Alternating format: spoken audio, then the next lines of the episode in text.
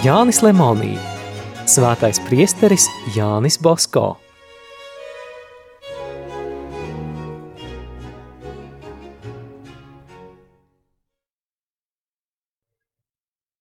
Otrās daļas 12. nodaļa – politiskās vajāšanas no 1859.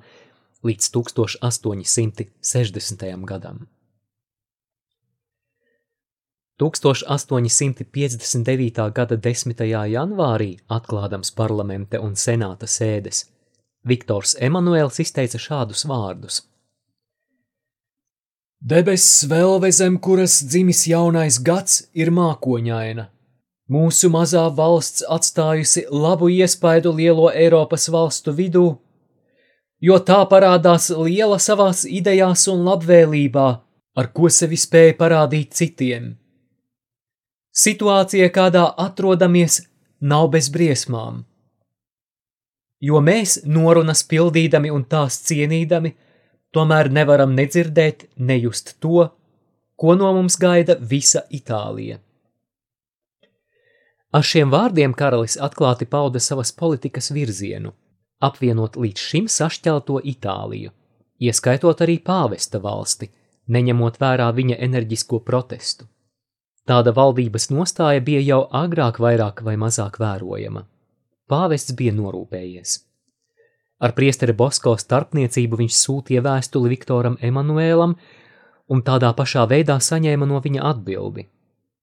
Priesteris Bosko redzēdams, kā virzās politiskie notikumi, nebaidīdamies draudu un nevēlamu seku, rakstīja karalim, lūgdams viņu neaizskart pāvesta zemi. Šī vēstule, kurai kā liekas nav palicis nekāda noraksta, sākusies tā: Dicit dominus reginostro vita brevis. Saka kungs mūsu karalim dienas skaitītas. Tālāk priesteris Bosko minēja sodu, kas gaida karali, ja viņš uzdrošināsies pacelt roku pret baznīcu. Vēstule nebija gara, izteicieni īsi, bet stingri. Karalis saņēmis vēstuli apjuka un parādīja to ministriem. Tie savukārt vēstules saturu atstāstīja dažādu departamentu direktoriem, un tūliņ sākās baumas, ka priesteris Bosko draudot karalim ar nāvi. Tomēr priesteris Bosko tādēļ neizbijās. Semināristam Ruā un citiem saviem palīgiem viņš sacīja: Izteicienu Reginostro vita brevisest var dažādi izskaidrot – Patiesībā šis brīdinājums bija viena pilsoņa draudzības apliecinājums savam karalim, bet, diemžēl, tas netika pareizi saprasts. Un ļaunas gribas cilvēku sagrozīts tas radīja pret priesteri Bosko daudz nekrietnu aizdomu.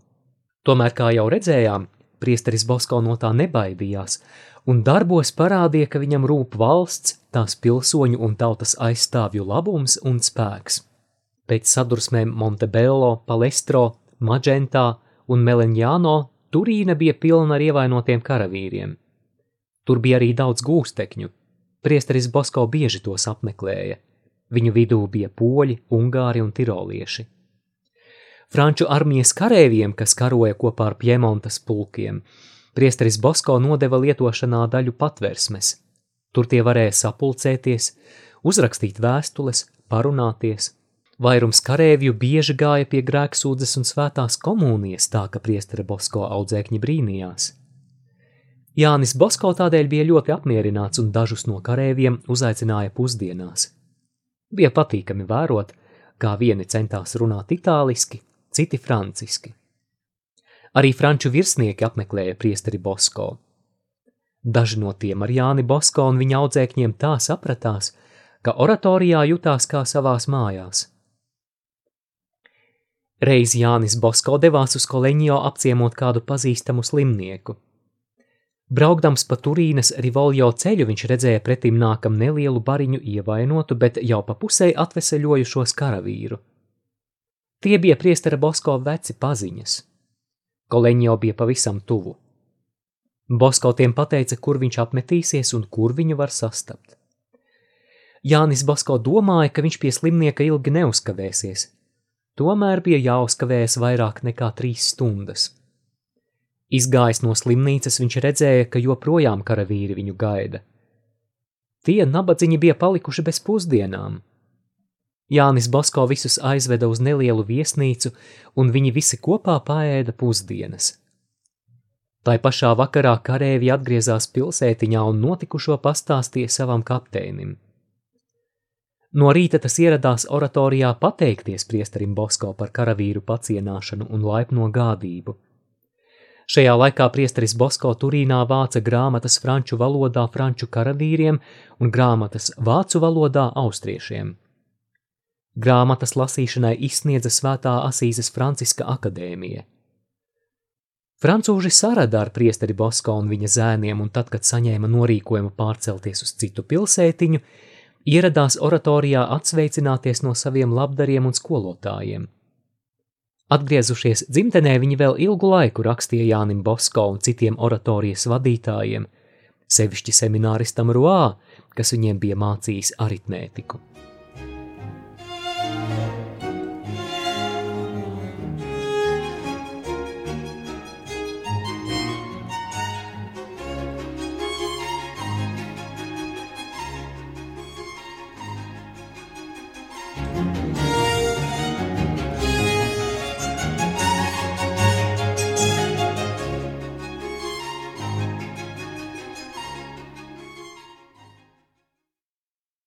1959. 60. mācību gadā oratorijā jau bija visas piecas gimnāzijas klases.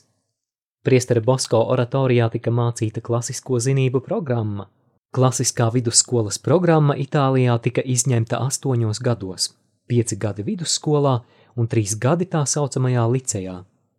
9. novembrī priesteris Bosko uzrakstīja līdzjūtības pilnu vēstuli pāvestam, jūtot viņam līdzi un nožēlojot attieksmi, kas tik nekautrīgi aizskāra ticību un svētā krēsla tiesības. Vēstuli parakstīja visi oratorijas audzēkņi. 8. decembrī, kad bija pagājuši 18 gadi kopš oratorijas dibināšanas, priesteris Bosko pēc vakara lūkšanām uzaicināja savā istabā tos, kas tādā vai citādā veidā viņam bija palīdzējuši audzināšanas darbā. Aicinātie ieradās visi – Priesteris Bosko brīdi palūdzies svēto garu un visvētāko jaunavu, vispirms īsumā rezumēja paveikto, tad aizkustināts ziņoja, ka ir pienācis brīdis dibināt kongregāciju, par kuru viņš jau tik ilgi domājis. Viņš lūdza pieteikties tos, kas vēlas tajā iesaistīties. Kongregāciju sauks Svētā Franciska no Sales vārdā. Nākošajā sajietā varēs piedalīties tikai tie, kas būs iestājušies šajā kongregācijā. Nākošā sanāksme tika rīkota 18. decembrī. No tiem, kas agrāk piedalījās sapulcēs, neieradās tikai divi. Priesteris Bosko nolasīja kongregācijas dibināšanas aktu un uzaicināja locekļus izvēlēt priekšnieku. Priesteris Bosko, kongregācijas dibinātājs, tika izraudzīts arī par vecāko vadītāju. To vēsta Valdoko oratorijas hronika.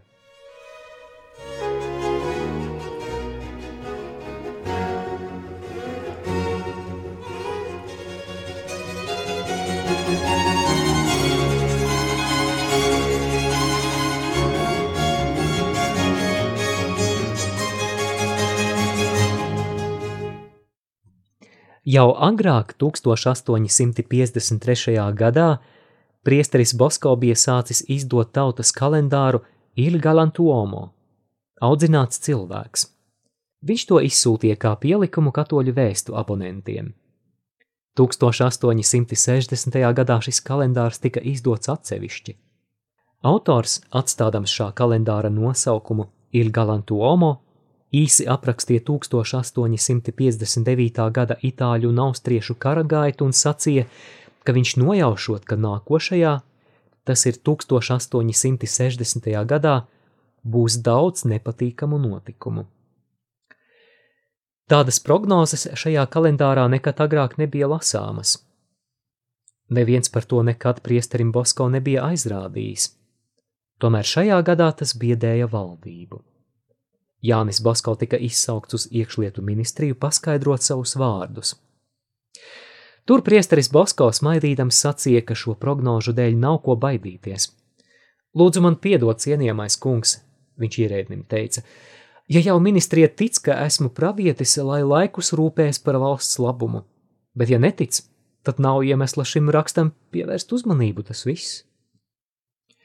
Tomēr, kad kalendārs tika iespiests, priestera Bosko ienaidnieki izplatīja baumas, ka viņš gatavojot sazvērestību pret valdību. Augstākās varas instances sāka novērot katru viņa soli. Pīs devītais, saņēmis jau minēto priestera Bosko vēstuli, atsūtīja viņam gana rakstu. To priesteris Bosko publicēja katoļu vēstīs. Tas pastiprināja aizdomas. Jāatcerās, ka runa ir par to periodu, kad attiecības starp Svēto krēslu un Piemontas valdību bija ļoti saspīlētas. Tāpat valdībā, pat ministru kabinetos sāka izplatīties uzskati, ka priesteris Bosko, kaut gan vadot valdībai ļoti derīgas labdarības iestādes, tomēr to darot tikai kā blakus darbu, bet patiesībā viņš kaldinot kaut kādus plānus kopā ar valsts ienaidniekiem.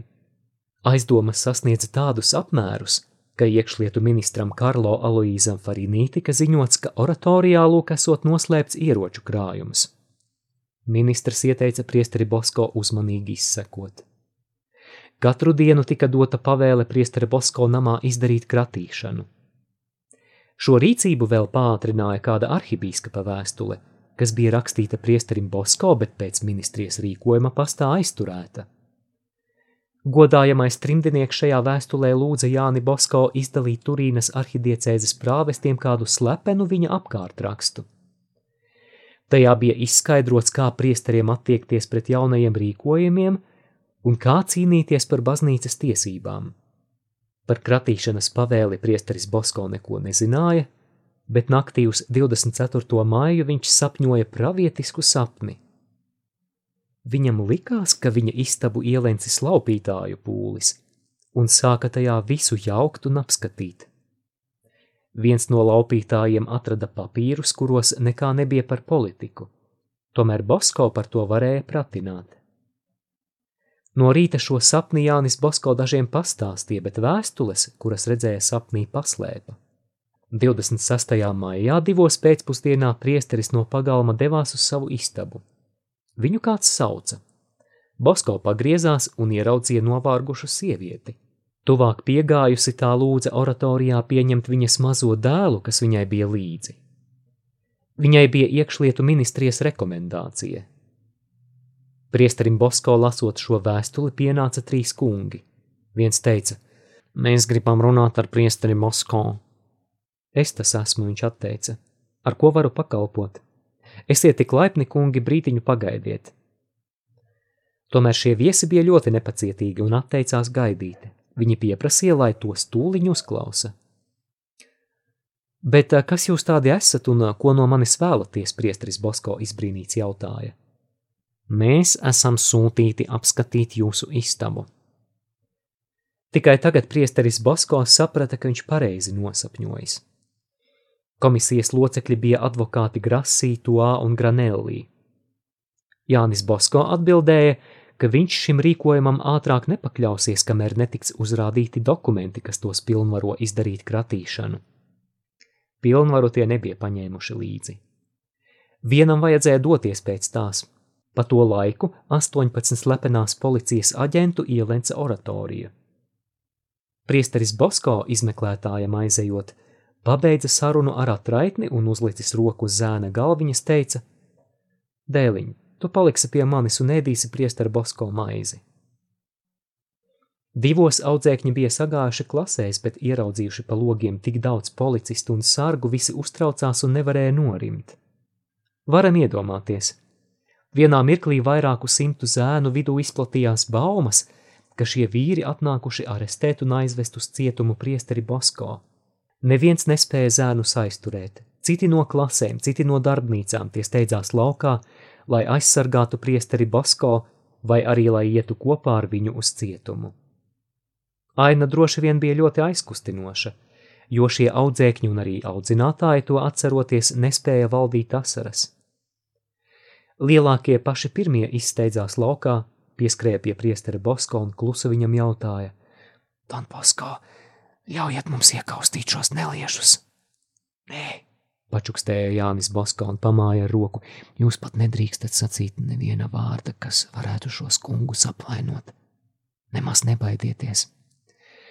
Beidzot atgriezās komisijas loceklis ar pavēli, un priekšsēdētājs deva to izlasīt priesterim Bosko.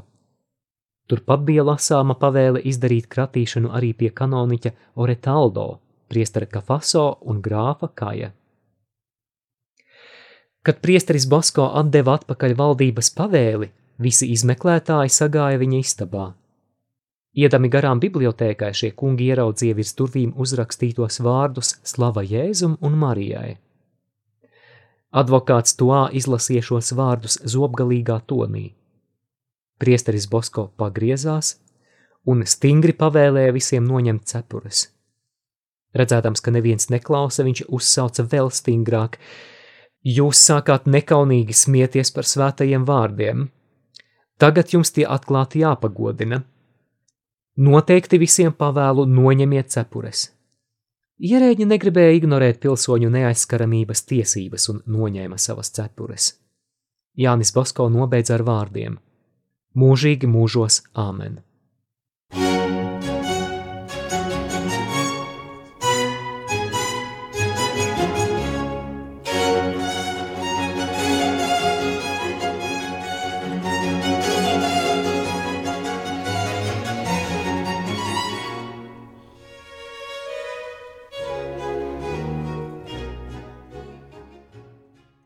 Ievedis kungus un divus sarkareivjus savā istabā, viņš teica, ka nu esot sagatavojies izpildīt viņu rīkojumus un prasības. Tie tūliņ sāka pārbaudīt viņa kabatas, naudas maku, drēbju vīles, pat cepuri. Pat tur viņa cerēja atrast sazvērestības perēkli. Kaut viņi būtu vismaz pieklājīgi izturējušies. Nabaga priesteris Bosko tika grūstīts no vienas puses uz otru, bez kādas pieklājības.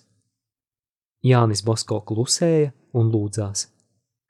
Tikai pēc neilga laika viņš neizturēja un pušķukstus ieteicās et cum sceleratis reputatus est un tika turēts par noziedznieku.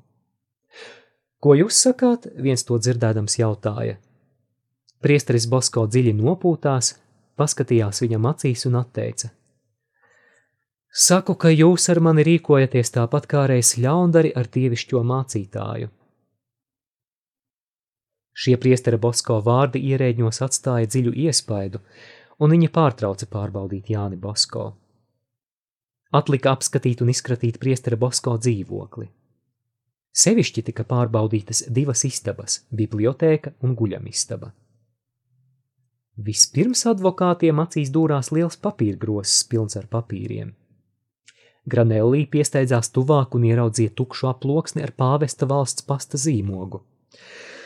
Tas man nevienam nav tiesības to aiztikt. Viņš iesaucās: Sargi, uzmaniet! Skatieties, lai kaut kas netiek noslēpts! Advokāti izrakņāja papīra grozu, izskatīja visas aploksnes, katru visniecīgāko papīra gabaliņu, bet nekā aizdomīga neatrada. Tad viņi devās pie galdiņa, no galdiņa pie skapjiem, krēsliem, kāpnēm, ielīda visos stūros Viņi pārmeklē pilnīgi visu, pat personiskās vēstules. Redzēdams, ka tas viss tik ātri nebeigsies, priesteris Bosko apsēdās, lai rakstītu vēstules. Izmeklētāji lasīja arī tās. Rakņādamies viens no tiem ieraudzīja kādu aizslēgtu atvilkni. Te nu viņi cerēja atrast īsto sazvērestības mezglu. Viņi rupji pieprasīja atslēgu. Tomēr advokāti vīlās atvilknē ieraudzīdami nenomaksātus rēķinus par maizi, rīsiem, miltiem, eļļu un citiem produktiem. Viens izņēma no atvilknes lapu un lasīja: Uz parāda pārdodu priesterim Jānim Bosko maizi par 7800 lirām. Cepējs tāds un tāds. Izņēma citu Priestera Bosko kurpnieku darbnīcai pārdotas ādas par 2150 lirām, sabiedrības vadītājs tāds un tāds. Kas tie ir par dokumentiem? jautāja priesterim Bosko viens no advokātiem. Ja esat sākuši, tad esiet tiek laipni un pētiet tālāk, Paskatiet visus šos rēķinus, un jūs redzēsiet, ar kādu politiku priesteris Bosko nodarbojas. Kaut Dievs iedvestu jums labu domu vismaz vienu no šiem rēķiniem apmaksāt. Advokāti tā kā nokaunējās, aizvēruši atvilkni, viņi iegāja bibliotēkā un sāka šķirstīt grāmatas. Tur tie atrada lielus balandisti svēto dzīves sējumus – Kas tās par grāmatām? viens jautāja. Tie ir jezuītu raksti, bet jūs tie pavisam neinteresēs. Lūdzu, labāk paskatieties citas grāmatas. Ā, jezuītu grāmatas konfiscēt, norīkoja vadītājs. Tomēr labāk vispirms apskatīsim, kas tajās rakstīts, piezīmēja otrs, mierīgāks. Tas lasīja, lasīja vairāk nekā desmit minūtes, bet tad nikni nosvieda seno grāmatu uz galda un sāka lamāties – Pie vēlna visas šīs grāmatas, visas latīniski. Ja es būtu karalis, es nevienu tādu neatļautu iespiest. Kas šajās grāmatās rakstīts?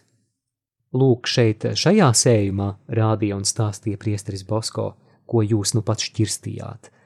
Ir aprakstīta svētā sīmaņa stilīta dzīve. Tas bija apdāvināts cilvēks, baidīdamies no elles ciešanām un pārdomājis, ka dvēseli ir tikai viena, un to pašu ļoti viegli ir pazudināt. Viņš atstāja dzimteni, vecākus, draugus un aizgāja dzīvot tuksnesī gandarītāja dzīvi. Ilgu laiku viņš dzīvoja uz sagruvušas pils pīlāra, un garām gājējiem sauca, ka par šīs pasaules netiklību draud elles sots. Pietiek, pietiek! Iespējams, ka mums vēl radīsies vēlēšanās izsūdzēt grēkus. Jā, tam pašais ir laba izdevība. Šodien ir sestdiena, piecos sākšu pieņemt savu zēnu grēksūdzes. Varbūt arī mums šovakar iet pie konfesionāla. Tas tiešām būtu labi. Lūdzu, gatavojieties, es šovakar pieņemšu visus. Tā mēs daudz derīgāk izlietosim laiku nekā pa putekļiem okšķerēdami.